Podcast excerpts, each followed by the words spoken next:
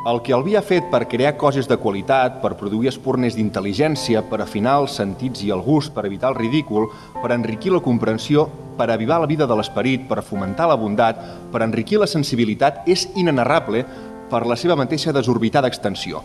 El vi és un element inseparable de la vida. Així descriu el vi Josep Pla, un dels autors més reconeguts de la literatura catalana. És indubtable que el vi és un pilar de la cultura i la gastronomia del país i fins l'arribada de la filoxera, el gran centre productor de vi de Catalunya era el Bages. Us heu d'imaginar tota la comarca com una mar de vinyes i tines. Preneu seient, serviu-vos una copa de vi i acompanyeu-me en un viatge en el temps per descobrir com era el vi d'aquella època i com i on es produïa. L'Espurna, el podcast del Festival Espurnes Barroques 2023. Capítol 4. L'Espurna del vi.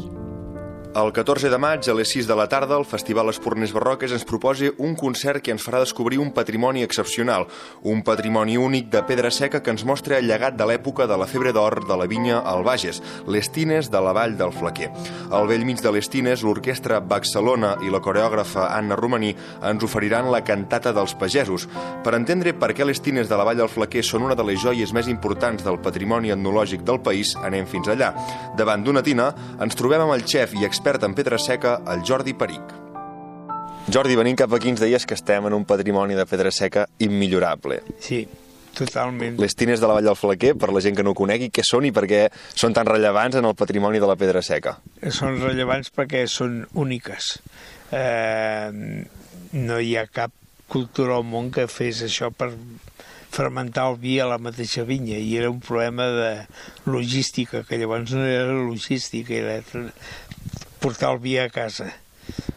Aquest espai, perquè la gent que ens està escoltant des de casa que no ens veu, com és que ens hi trobem? Ens hi trobem, mira, un espai que aquestes muntanyes eren tot vinyes, des de baix al torrent fins dalt. Eh, a darrere, una banda, a l'altra, tot era, era tot vinya o Bages. I aquí el Flaquer era un dels exemples més, més poderosos de, de la vida que hi havia aquell temps. Tot és la mà de l'home que ha moldejat el terreny, que ha fet rases, que ha fet parets, que ha fet tines.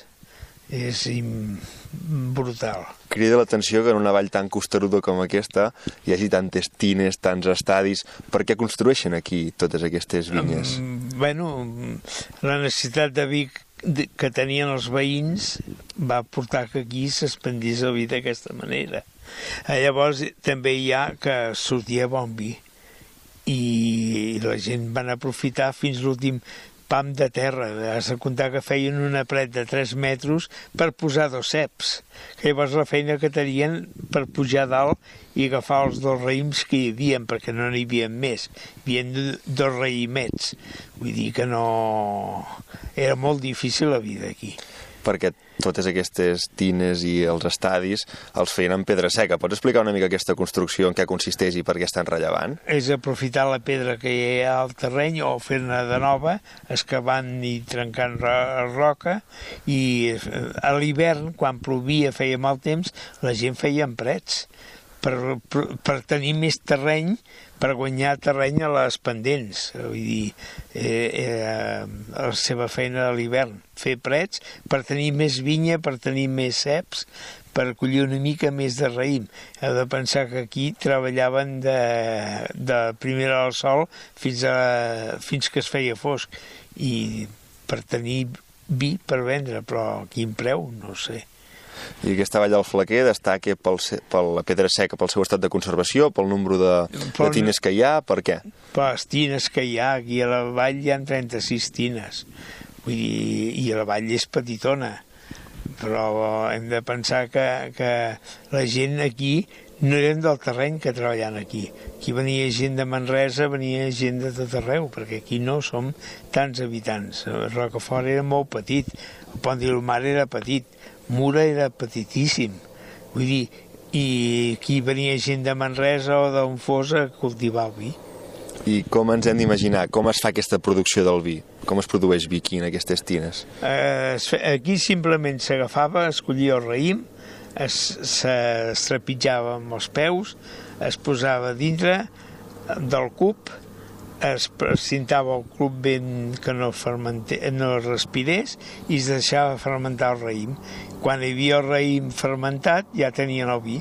Llavors el transportaven quan els convenia en bots, però hem de pensar que aquí no hi havia ni carros, es portava tot a llom d'animals, perquè no hi havia cap manera de transport.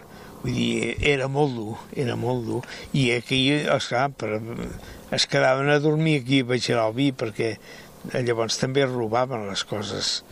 Vull dir, és, és molt curiós tot això. Perquè estem parlant d'una època on el Baix era el centre productor de vi arreu Exacte, de Catalunya exacte. fins que arriba la filoxera, no? Què suposa la filoxera per la Vall del Flequer? Bueno, fins aquell moment es havien pensat que la filoxera no arribaria aquí a Catalunya i quan ens va arribar ens va arruïnar a tots.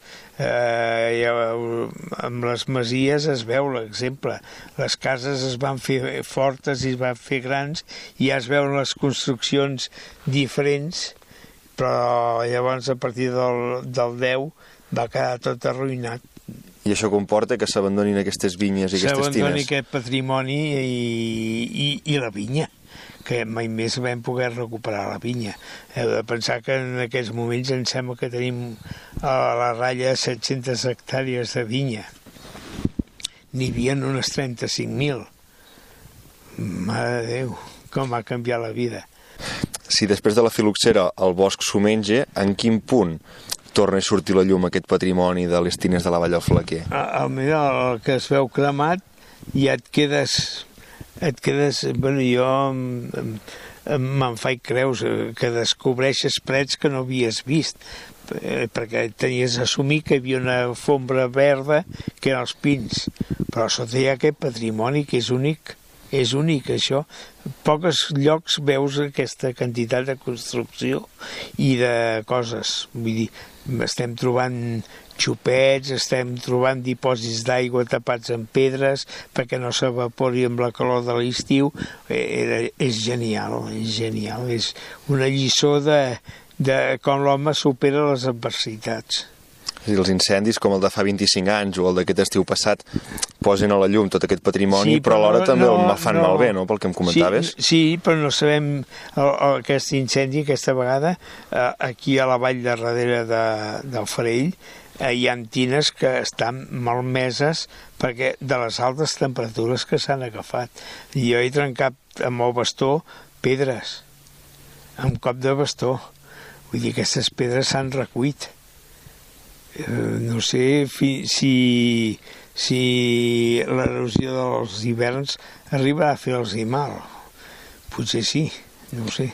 El concert que es farà aquí uns metres de- d'Espurnins Barroques del festival d'aquí Sí. res pot ser una manera, però quina forma creus que tenim per potenciar el coneixement d'aquest patrimoni i de fer que no caigui en l'oblit i no desaparegui? Doncs, em, malauradament, només hi ha una forma. Recuperar vinya, que sembla que costa molt que la gent hi cregui, i, i recuperar uns caldos nostres. Heu de pensar que aquí al Bages hi ha un senyor que està enamorat del, del raïm, que té recuperades unes 30 varietats de ceps de, desconeguts d'abans de la filoxera. Podem fer vins extraordinaris aprofitant l'impuls que poden donar les tines en quant a esta forma d'elaborar el vi totalment diferent i únic en el món. Eh, llavors tenim el, el, el recuperar aquestes vinyes i aquestes terrasses i això. Això és el que hem de fer. És un patrimoni molt present i molt futur. Molt, molt futur, però ens fa falta creure-hi i en què l'administració hi cregui més que nosaltres encara. Si l'administració empeny, tot és possible. Si això estés a certs llocs d'Europa, segur que seria patrimoni de la humanitat i seria lo, lo nunca visto. En tot cas, el festival aproparà aquest patrimoni a molta gent que segurament Oi.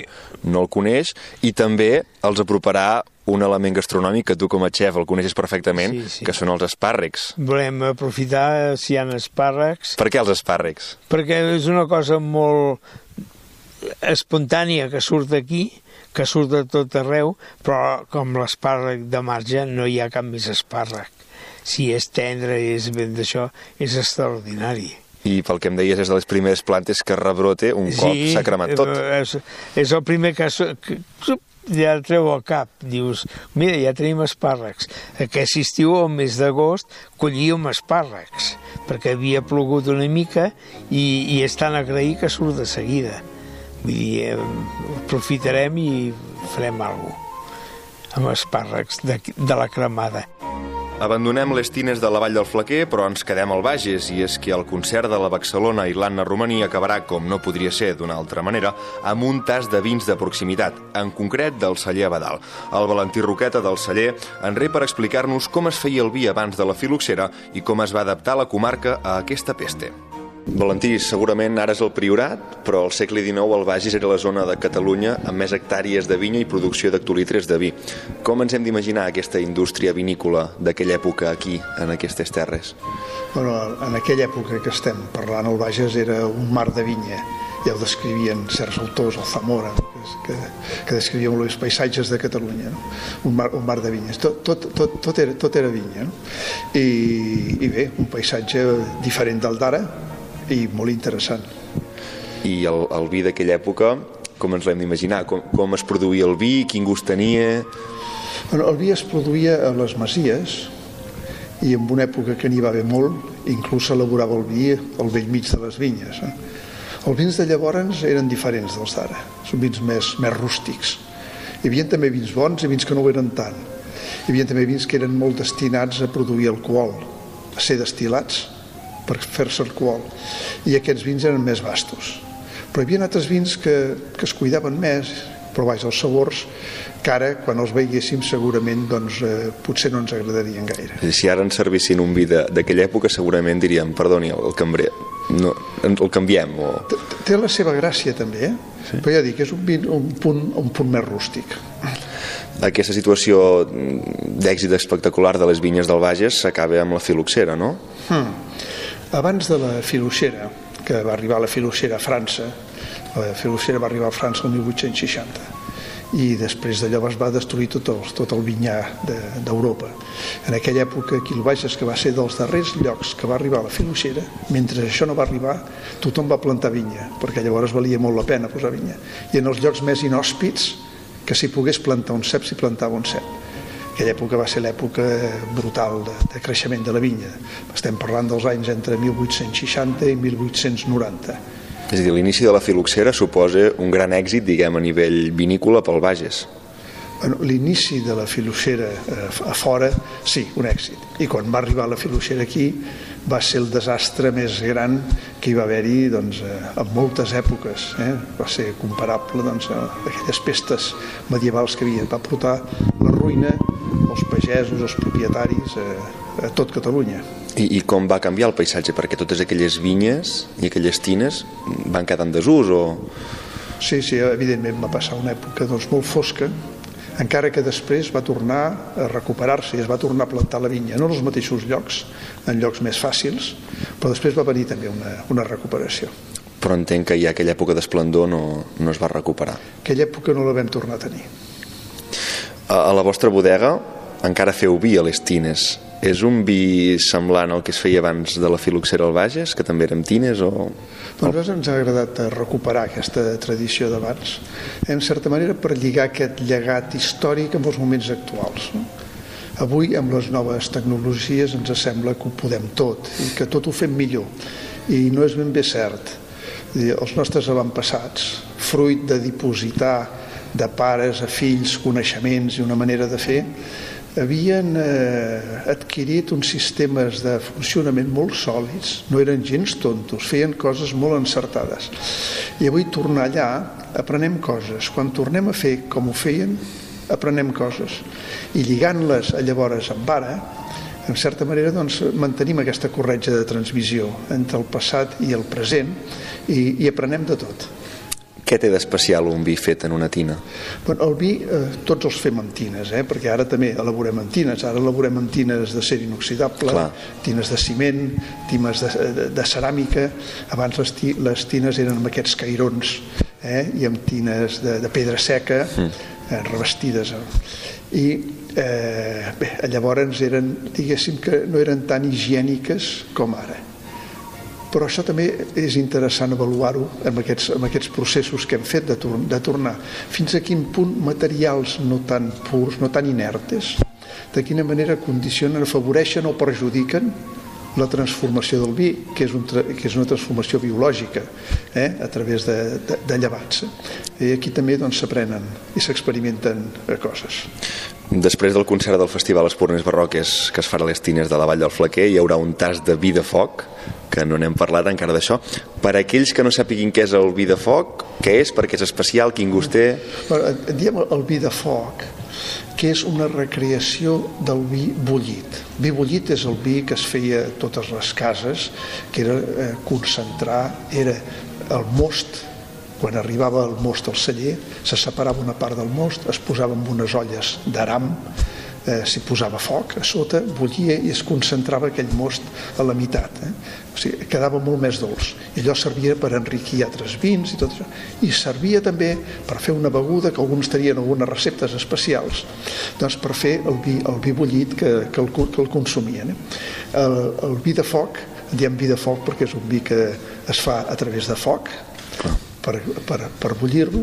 I aquest vi de foc que degustarem és una recreació actual eh, d'aquest vi que partint de les arrels doncs, del vi bullit, que ho és, però també aportant-hi vins eh, elaborats ara frescos i interessants, és un copatge que dona uns vins que, bueno, que molt interessants, encisadors, eh, sutils, i que tornem amb una mirada al passat, però també amb la mirada ara actual i, i de futur segurament doncs una degustació que pot resultar molt interessant.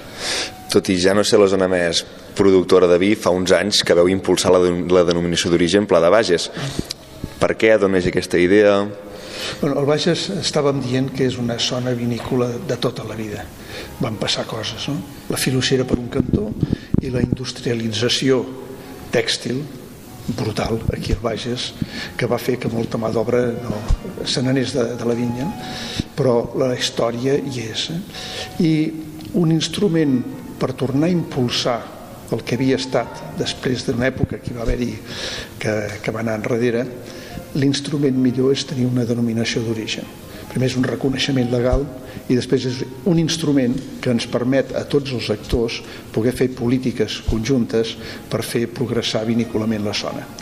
I aquí al Bages doncs, vam creure eh, que ens era indispensable per tornar a tenir el futur vinícol, tenir la denominació d'origen, i impulsar dues coses que el Bages això ho ha fet molt bé. Una, recuperar les varietats autòctones que donen identitat, origen i personalitat als nostres vins, el picapoll, el sumoll, el mandó, varietats molt, molt originals, i recuperar també i preservar el patrimoni de pedra seca. Un patrimoni de pedra seca únic al món. El Bages és la comarca, sens dubte, que té un, un llegat i que té un patrimoni de, de pedra seca doncs, dels, dels més singulars que existeixen. I això, a través de la denominació d'origen, es va promoure accions per preservar tot això. I avui podem gaudir doncs, d'uns doncs, vins que són molt especials, són diferents, molt interessants, que lliguen territori, paisatge, història eh, i, i sabors eh, interessants, i els podem gaudir al voltant d'un patrimoni rural de pedra seca que no són, no són catedrals gòtiques les nostres, les nostres eh, barraques de vinya i les nostres tines però sí que tenen aquesta personalitat senzilla però lligada al paisatge que li, que li proporciona aquest, aquest sentit hasta alhora un punt romàntic i un punt de nostàlgia però també que ens ajuda a degustar els vins i a veure la vida amb un sentit, jo crec, molt, molt profitós.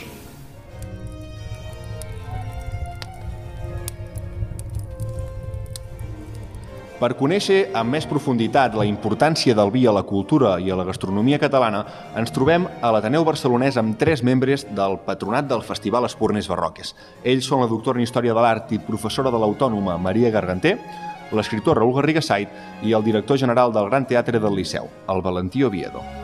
Bé, jo pensava que les tines de la vall del Flequer i fins i tot les que van quedar al descobert aquest, aquest estiu passat després de l'incendi eh, de l'incendi a les valls del Montcau mm, són un exemple també doncs, una mica d'aquest ressorgir de les cendres eh, i d'aquest paisatge barroc que se'ns que se'ns revela eh, una miqueta perquè doncs bé, clar, les, eh, les tines com a part de, de l'arquitectura popular doncs ens parlen d'una manera de viure, eh, d'una manera de treballar i en aquest cas estan doncs, eh, íntimament vinculades efectivament al món del vi que com a país mediterrani ens és, eh, ens és molt proper.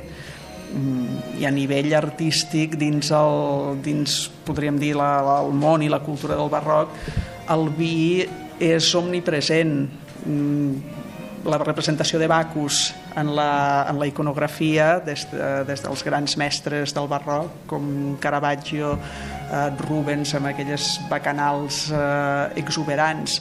Eh, i fins i tot Velázquez que és un pintor mm, de representació mitològica escassa però molt precisa i doncs ens regala, en canvi, doncs, aquell, aquella obra extraordinària doncs, que és eh, bueno, el triomf de Bacus, però popularment coneguda com els, eh, com els borratxos. I fins i tot, si ho traslladem a l'art català, concretament, el pintor més rellevant del, eh, del nostre barroc, que seria Antoni Viladomat, amb una de les seves obres més conegudes, que és una sèrie que fa de les quatre estacions de l'any.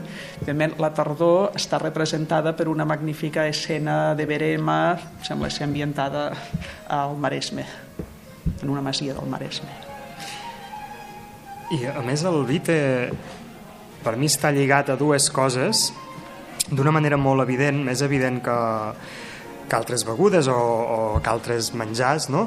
D'una banda, el vi des de, des de l'antiguitat, mm, des del el Pròxim Orient, Grècia, està vinculat al, al simposi, a les trobades uh, d'amics, no? en aquesta idea de crear un ambient d'una certa intimitat, un lloc on es poden dir coses que normalment no dius, no? perquè estàs en confiança. Um, o sigui que que és, un, que és un fenomen social en si mateix, no, no és només un líquid que veus, sinó que va acompanyat de, de tot d'aspectes socials, això d'una banda. I de l'altra, una altra cosa que jo crec que avui dia justament és molt interessant, eh, que és la vinculació amb el lloc amb un lloc, no? que sovint eh, avui mengem sense saber d'on venen les coses que mengem. No? Quan anem a un restaurant no, no, no sabem exactament d'on venen aquelles gambes de vegades o aquella carn o d'on sigui. En canvi amb el vi és una cosa on, on sí que sabem d'on ve i s'hi dona molta importància. I, per tant, aquesta l'elaboració del vi, la, el, el treball del vi, eh, ens, el, el que té de fons, el missatge que té és que d'una banda eh, són fills de la terra i són fills de llocs determinats de la terra i que quan bevem vi eh, degustem aquella terra concreta, no? aquella terra amb les seves característiques i, i aquella vinya, i, i de l'altra que això que fem d'assaborir la terra ho fem en companyia, ho fem en un entorn social que és el que ens dona doncs, sensació de comunitat, de llibertat, no? totes aquestes coses. Um, com apuntaves, um, allò que emana de la terra, efectivament, el vi especialment, um, i la vinya, eh, defineix molt bé un paisatge i connecta eh, efectivament amb la, eh, amb la gent d'on és i marca fins i tot un determinat caràcter. El procés lent, no, no apresurat ni ràpid de la seva elaboració i per tenir gaudir de cadascun dels processos, sabent que l'espera acaba tenint un, un, un, un resultat i en l'espera l'enriquiment de, de, de, de, del que es fa i, i per tant això connectat eh, amb l'art, que l'art també requereix d'aquesta mena de reflexió, d'aquesta manera de, de, se, de seure al davant i gaudir-ne o, o de pensar-ne el seu procés i, i, i pensar que res es fa mm, per una casualitat, sinó que tot requereix eh, la seva la seva idea i, el, i, el, i al final el seu, el seu resultat crec que connecta, que connecta molt bé. De fet, quan, quan home arriba a casa no? I, i, i decideix descansar amb la copa de vi, és un moment quasi íntim amb la copa i mateix, és un moment també de reflexió tot i que al mateix temps sigui de gaudi. El gaudi i la reflexió és quelcom que l'art hi porta incorporat sempre. Abandonem el Bages, tornem al Solsonès, estem aquí al Santori del Miracle i estem amb el director del festival, el Josep Barcons. Fem un brindis amb la barroca per tancar aquest episodi. La barroca que no és un vi, és una cervesa. Però bé, segur que tenim molta gent que després del concert a les, a les Tines de la Vall del Flaquer vol anar a alguna altra proposta del festival. Què ens recomanes?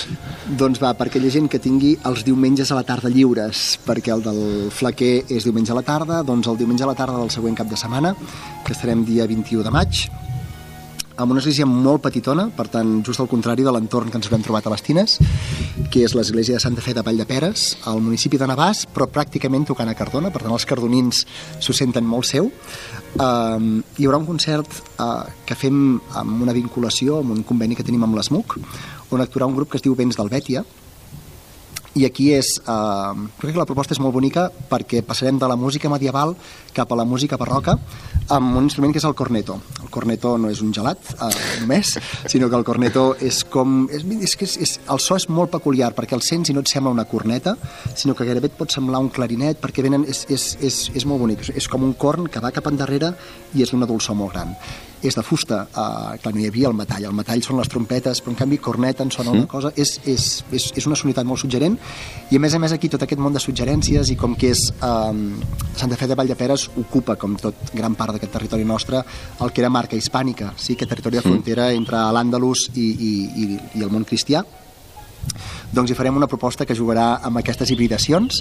El retaule de Santa Fe de Valldeperes, un dels dos retaules eh, barrocs que hi ha, eh, està ple de, de, de magranes, d'albergínies, és, és com és un plaer pels sentits. Aleshores aquí la proposta acabarà doncs, eh, fent honor a la gastronomia d'àmbit del Mediterrani sud, amb, acabarà amb un mutàbal, amb un mohamara, que són aquestes salses fetes amb esvergínia, amb pebrot, amb suc de magrana, amb oli, perquè hi haurà també oli de, de mitjorn, que és un, un, una, una empresa que es dedica a fer oli d'oliveres recuperades al Bages, hi haurà un tas de vins piteus, que és una casa que està també molt allà al costat, anant pel camí et trobes amb piteus, serà, jo crec que serà una proposta també d'allò més interessant. M'ha fet entrar la gana, eh?